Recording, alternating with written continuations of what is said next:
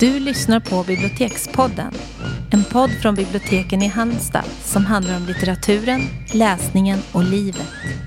Det som pratar heter Elisabeth Skog och Jeanette Malm. Då var det dags för ett nytt avsnitt av Bibliotekspodden.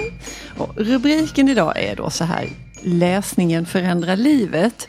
Och det är ett ganska vitt omfamnande, en ganska vitt omfamnande rubrik som eh, ja, ni ska få se vad den innehåller. Men den handlar om, om, om fiktiva personer i litteraturen som blir väldigt liksom, gripna av, av litteraturens egna möjligheter och, och skrivandets möjligheter. Alltså mm. det, det, är inte verkliga personer som vittnar om hur viktigt det här är utan det är personer i texterna. Precis, och det är inte vi. Nej. För det har vi vittnat om. Vi, ja, vi gör det ständigt. Ja. Men, Men det är jätteintressant när det händer mm. i själva boken. och hur det verkligen. beskrivs. Mm. Ja, vi har några olika exempel på detta då. Mm. Men Dagens ord. Mm. Eh, och i rättvisans namn tycker jag att det är din tur att börja. Ja, det kan hända. Då är det, idag har jag valt ett substantiv, jag har valt vitsippa. Eh, jag tycker rent bokstavsmässigt och ordmässigt hur det låter så tycker jag det är ett väldigt liksom, pikt och fint ord. Mycket pikt. Ja, P-na gör ju något där. Mm. Sippa.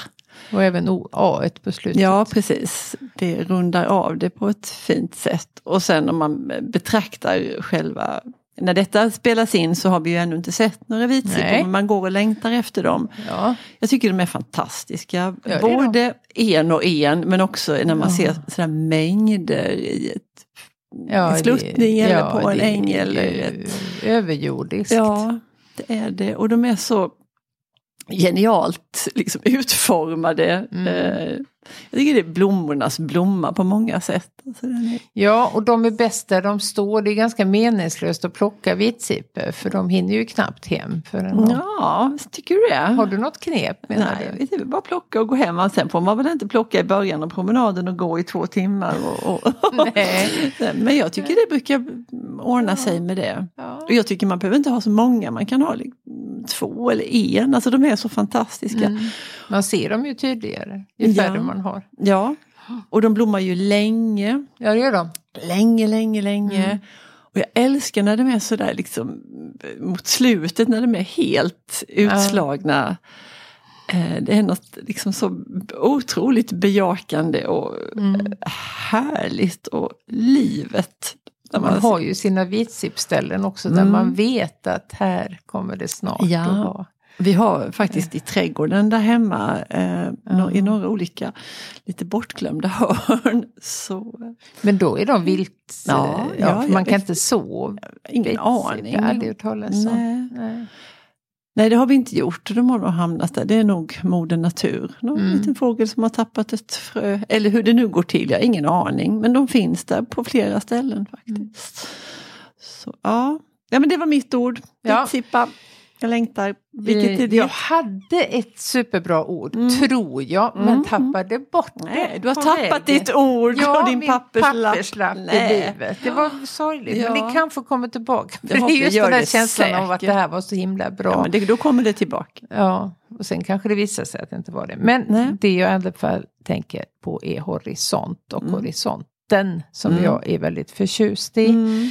Eh, just det där att blicka ut över havet och det tar aldrig slut. Det tycker jag är fantastiskt. Mm. Och då har jag också läst någonting om ögat.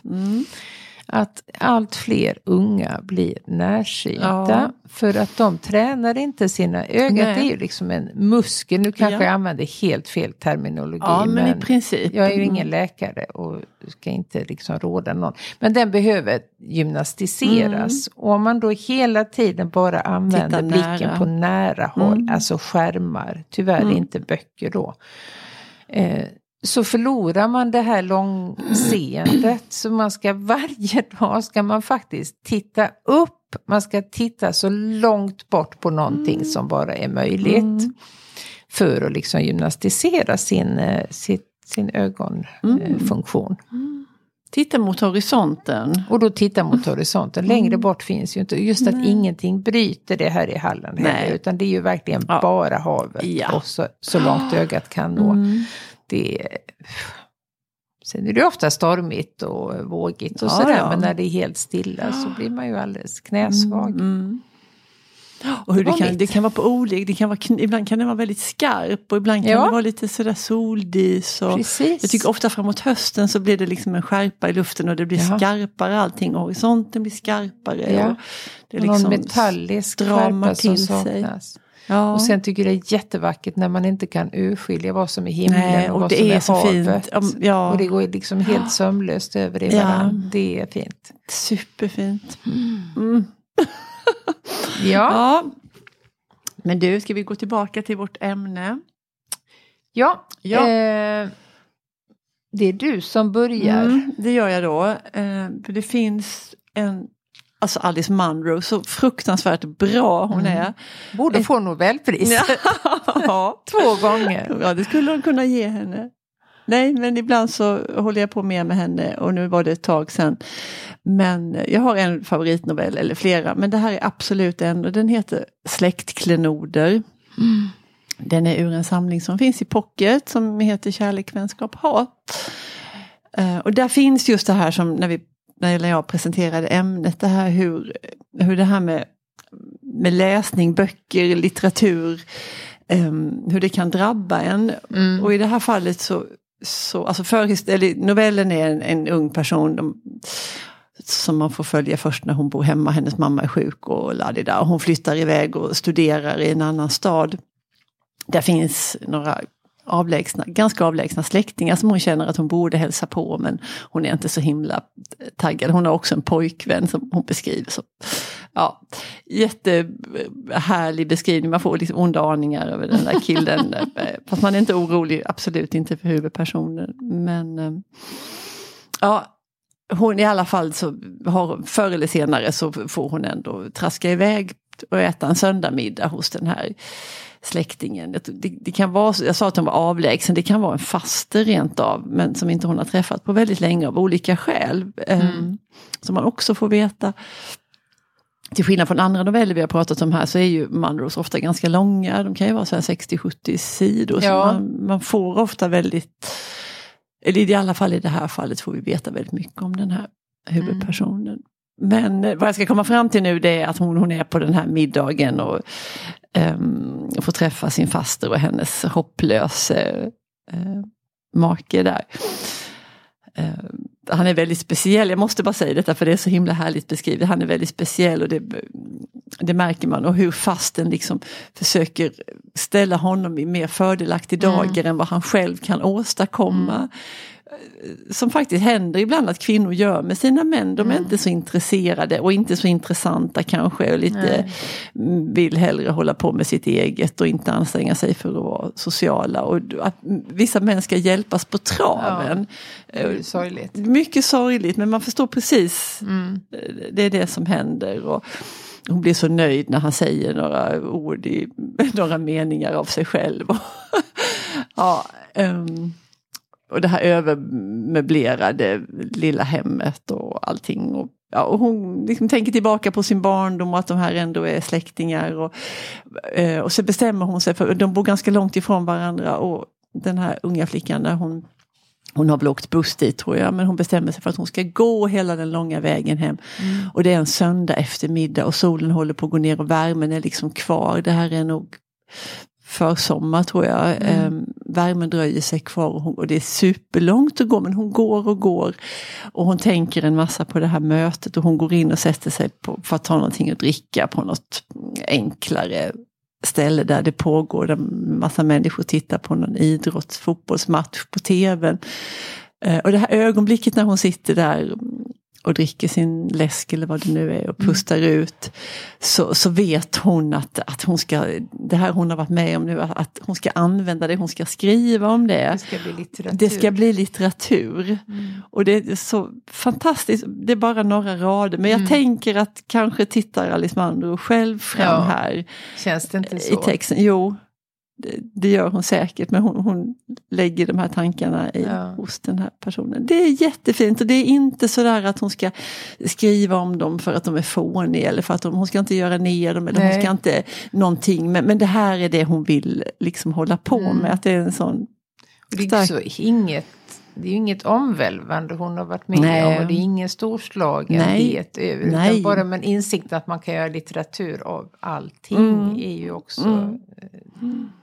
Eh, fint. Precis, ja. Skildrat där. Ja, det här var inget exceptionellt eller Nej, något hon skulle ju glömt det i Ja, dagen ja, ja. efter om hon inte hade Ja. haft liksom det här. Men det, det är också någonting att hon är så uppfylld och den här pojkvännen bleknar. Och, Mm. ehm, det är också att hon har någonting där inom sig som är hennes egna. Och, eh, Mm.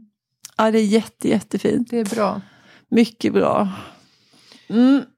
Eh, jag ska prata om John Williams och Stoner. Ja. Kommer du ihåg när den välte hela Ja, eh, bibblan galet. för några år sedan? Den lilla oansenliga gråa. 2014. Mm. Eh, Alla skulle läsa Stoner. precis. Och Den var ju inte precis ny då. nej, det var ju det den Nej. inte var. Den skrevs ju någon gång, alltså 50-talet. 50-talet. Eh, av John Williams. Som föddes 1922 och dog 1994. Så han fick ju inte ens uppleva den här Nej. succén. För den kom ut och den fick liksom goda recensioner. Mm. Men den sålde i, jag tror jag läste 2000 exemplar. så att, ja. Men Mm. sen började det hända någonting och det är ingen som kan riktigt förklara Nej. vad som hände. För det var någon Spännande. mun mot mun-metoden. Mm. Att någon hade och någon hade och alla som hade läst den var tvungna att prata om Mm. den. Vissa böcker har ju den effekten. Ja. Var den inte lite sådär författarnas författare? Jo. Att många som själva skrev Jo. visste vad det var och hade läst och Ja, precis. Mm.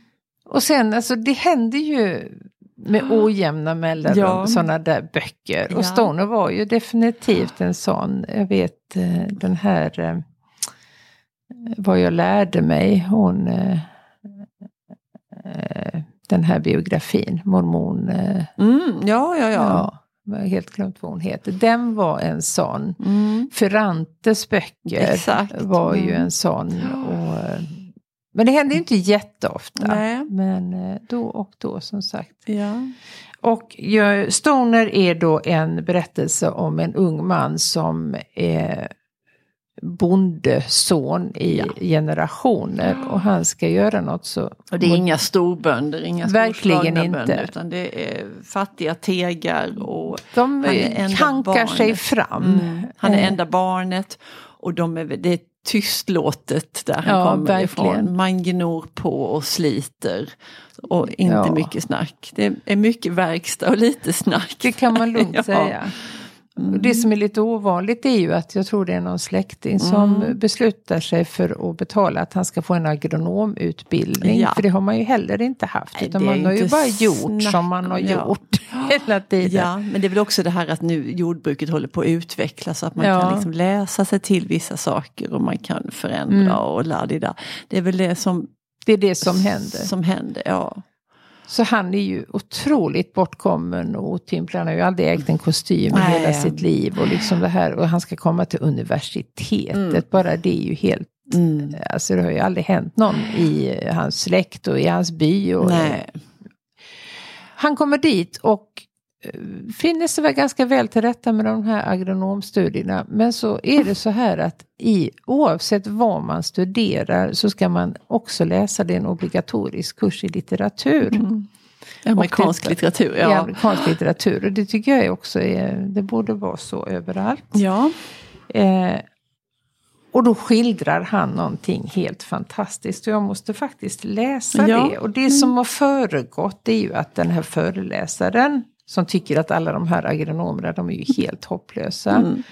Han läser en eh, sonett, eh, Shakespeares 73 sonett. Och då Mm. försöker han få gensvar från den här gruppen. Mm. Eh, ingen reaktion och då står det så här. Under ett ögonblicks tystnad harklade sig någon. Sloan upprepade de avslutande raderna. Rösten blev flack, återigen hans egen. Så ser du vad som kärleken fördjupar. Att älska det som snart ifrån dig stupar. Sloans blick återvände till William Stoner och han sa torrt. Mr Shakespeare talar till er genom 300 år, Mr Stoner. Hör ni honom? Mm. William Stoner insåg att han under flera ögonblick hade hållit andan. Han Mm. andades försiktigt ut, nogsamt medveten om att kläderna rörde sig på kroppen då luften gick ur lungorna. Han vände bort blicken från Sloan och såg sig om i salen. Ljuset föll snett in genom fönstren och vilade över de andra studenternas ansikten så att de tycktes självlysande och gick över i dunkelhet. En student blinkade och en tunn skugga föll över en fjunig kind som fångade ljuset. Stoner märkte att hans fingrar släppte det hårda greppet om bänklocket. Han vred sina händer och förundrades över hur bruna de var och hur märkligt väl naglarna passade in i de trubbiga fingertopparna. Han tyckte sig känna hur blodet osönligt flöt genom de små ådrorna och artärerna och ömtåligt och varsamt dunkade från fingerspetsarna genom hela kroppen. Sloan talade igen. Vad säger Shakespeare här, Mr Stoner? Vad betyder den här sonetten? Stoner lyfte långsamt och motvilligt blicken. Han menar, sa han och höjde med en lätt rörelse händerna i luften. Han kände hur blicken blev dimmig när han betraktade Arthur Sloans gestalt. Den betyder, sa han igen, utan att kunna avsluta det han hade börjat säga. Mm. Jag tycker det är en sån himla fin skildring över Ja. att han har ju inte ord Nej, för den här nej. känslan men han känner det ju med hela sitt Han vet att väsen. något har, Någonting. har drabbat honom. Ja. Och detta blir ju en vändpunkt så att han blir ju inte agronom utan professor i litteratur och en ganska obemärkt sån. Och Mm. Ja. det tycker jag också är snyggt att han blir liksom ingen Nej, lysande nej, stjärna. Det är jättebra för det hade Det är varit för jättebra. jobbigt. Utan hade- nej, men han hankar på, han Ja. Är nöjd Ja, hela sen är det tiden. väl, har han någon konflikt med, för ju, den akademiska världen är ju inte att leka med. Nej. Och jag har för mig att det är någon, någon konflikt där med någon Jo. annan professor som, som äter honom en del. Ja. Men han hans- behåller hela tiden kärleken till litteraturen Ja. och det är nog. Mm. Eh, För han har det ju jättejobbigt privat och äktenskapet och, ja, och dottern och allt det dottern, här. Ja, det, ja, eh, Eh, men, men han väl- ser tillbaka liksom på li- sitt liv och tycker ändå att det har varit meningsfullt. Mm. Mm. Eh, Ja, nej, men det är en fantastisk bok och, och just det här, massa saker som inte händer gillar man ju väldigt Ja. mycket. Det här är liksom ingen eh, rosenskimrande Nej. historia. Det är tuffa tag som du sa, både hemma och på jobbet. Men han har drabbats av litteraturen Mm. och det är underbart. Mm. Jag har faktiskt lust att läsa om den. jag tycker så jag har gjort det, för jag har varit så det? himla intresserad av just äktenskapet tycker jag är Ja.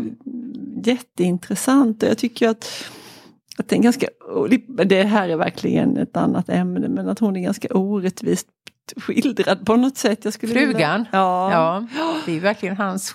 Mm, det är hans berättelse. Ja, hon hade nog haft en annan bild. Ja, jag tänker någon kunde skriva hennes berättelse.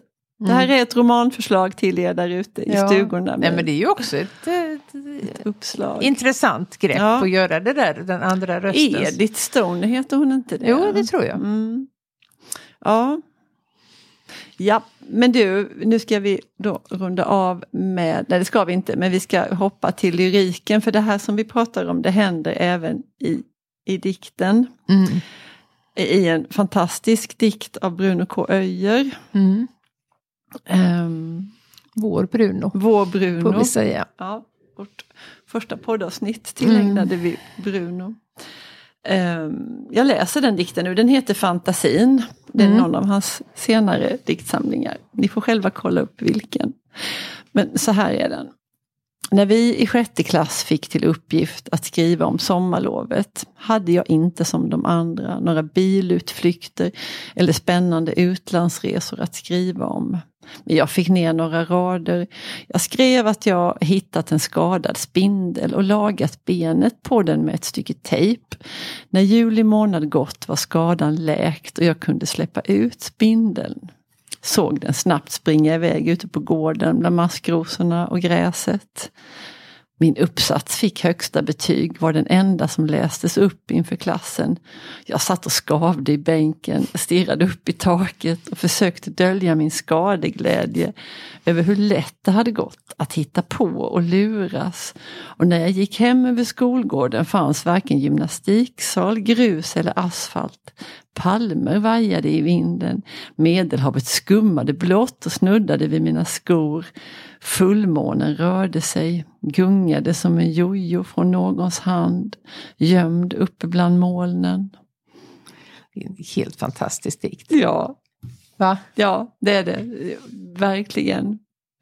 Um, och så, så enkel och så underbar Så och enkel. så rolig och allt. Ja.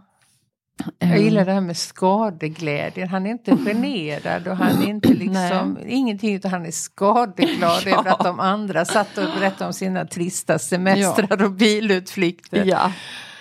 Eh, Ja. ja men det är så underbart att han, och det här som hans berättelse handlar om då, hans, den här, att det alltid skulle skrivas uppsatser om sommarlovet. Det håller Mm. de väl inte på med längre? Hoppas inte de det, för det är tortyr Ja. för många. Det är så Ja. aningslöst att tro att alla har de här berättelserna. Ja, precis. Nej. Men han löser ju det på att Ja. hittat en skadad spindel och lagat benet med ett stycke tejp. Det är så ja, det är så underbart. genialt. Tacka sjutton för att den blev uppläst. Ja. Eh, ja, det är så, den har så mycket och sen hur det här påverkar honom. Det är ju när han får korn på det här med, Mm. med liksom fantasin och skapandet och vad det liksom kan göra Vilka med möjligheter som Vilka sig. möjligheter att det faktiskt är så att Medelhavet skummar vid hans fötter. Mm. När han, då fanns inte gympasal Nej. eller asfalt eller någonting utan då var det palmesus och Medelhavet som Ja. rörde sig där. Nej men, för han är ju ganska liten får man ju anta. Och den här liksom insikten att han själv kan skapa sin liksom egen verklighet. Mm. Han är inte alls beroende av eh, det här krassa Nej. som alla de andra befinner sig Inte i. alls, nej. Och att, att dikten heter Fantasin också, det tycker jag också Ja. är, det är bra. Ehm, Mm. Månen som en jojo. Ja, Ja, ja. ja, den är enastående, härlig. Vi ska runda av Mm. med Jenny Diski. Ja, som har skrivit en roman och den heter Till den skrivande kvinnans försvar. mm. Eh, och den handlar om en eh, ung, väldigt ung kvinna som år 1584 Ja, snubblar över den franske filosofen Montaigne. Mm. Han med essäerna. Och Ja. det är essäerna, han gav väl kanske inte ut så mycket annat. Och hon blir helt besatt och Mm. betagen. Jag tror till och med att hon svimmar när hon läser dem. Det här var ju Ja. en tid med starka ja. Och till, se till att hon får träffa Det är helt fantastiskt. Ja. Jag vet inte, kommer du ihåg hur de bar sig åt? Nej, men jag vet att hon, hon, de hade det väl ändå från början ganska gott ställt och hennes pappa hade massa böcker. Ja. Och jag vet att hon läste sig, att han hade ett runt bibliotek har jag för mig, att hon läste sig liksom runt och runt och Ja. runt och läste allas pappas, alla pappas böcker och började om sen. Okej. Och, på, och på något vis, som, sen vet jag inte hur, men att hon får korn på den här Montaigne. Och, nej men, alltså, det, är ju helt, det, det fanns ju inte så mycket för kvinnor att ta sig till Nej. då vid denna tid. Utan Nej. antingen, man fick gifta sig, det var ju det man skulle Mm. göra. Eller bli nunna, det var väl det var de två. Mm. Och sen har jag för mig att familjen kom lite på obestånd i alla fall. Ja, inte vet jag. De, eh, hon tar sig till Paris. Mm. Eh, där han finns då. Och, För Han var ju stor och känd liksom under ja, sin ja, levnad. han var ju en sån stjärna. Ja. Eh, verkligen. Och eh, till saken hör att hon inte är snygg, hon, hon är tvärtom ganska ful har jag för Mm. mig. Um, så hon har liksom inte, och det gillar jag också med den boken att det är inte sådär att och hon kom från landet och hon var en sån skönhet Nej. ladida, och att alla bara blir oj. Så att hon borde vara liksom supersnygg och smart. Nej, nej, det är för mycket. Superbeläst och hade verkligen öga för det där men och sen var hon inte så himla trevlig heller och det är också bra. Ja, det är också bra. Den blir komplicerad det hela lite. Ja, Men han blir ju ändå jag. ganska intresserad av Mm. henne och, och hon får ju hänga med där. Ja, men hon får, jag tror hon får jobba lite som någon Ja. assistent eller någon biträde eller vad det kan ha hetat. Någonting, ja.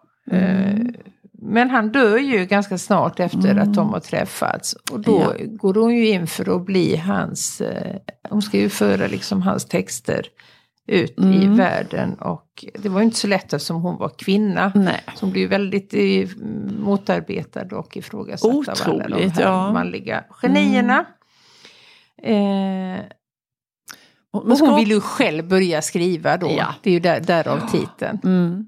Eh, Och hon försöker också skapa lite, lite litterära salonger och det lyckas hon väl någorlunda med. mm. Men, men hon är också på något vis ganska, jag vill minnas att hon är ganska illa sedd. Liksom att det, här, Ja, det går inte så bra för för hon är henne. heller inte så väldigt smidig som man Nej. kanske hade behövt vara. att, eh, Nej. eh, Men det är också det som är hela bokens tema, det här Mm. liksom hur litteraturen kan föra in en på olika Ja, vägar som inte var menade eller ämnade Nej, för henne. nej. för hon tar sig den, rätten som inte finns. Liksom. Ja, hon har Hon- inget val. Hon måste, Nej. precis som Stoner, han var också tvungen. Ja. Han kunde inte gå tillbaka och bli en Nej. bonde efter att ha läst. Shakespeares 73 sonett. Alltså det, Nej. Ja. Nej, det är sånt som händer. det är sånt som händer. Man får läsa på egen risk. ja, det händer både i litteraturen och i livet. Mm. Mm. Det om detta. Ja, Tack och hej. hej då.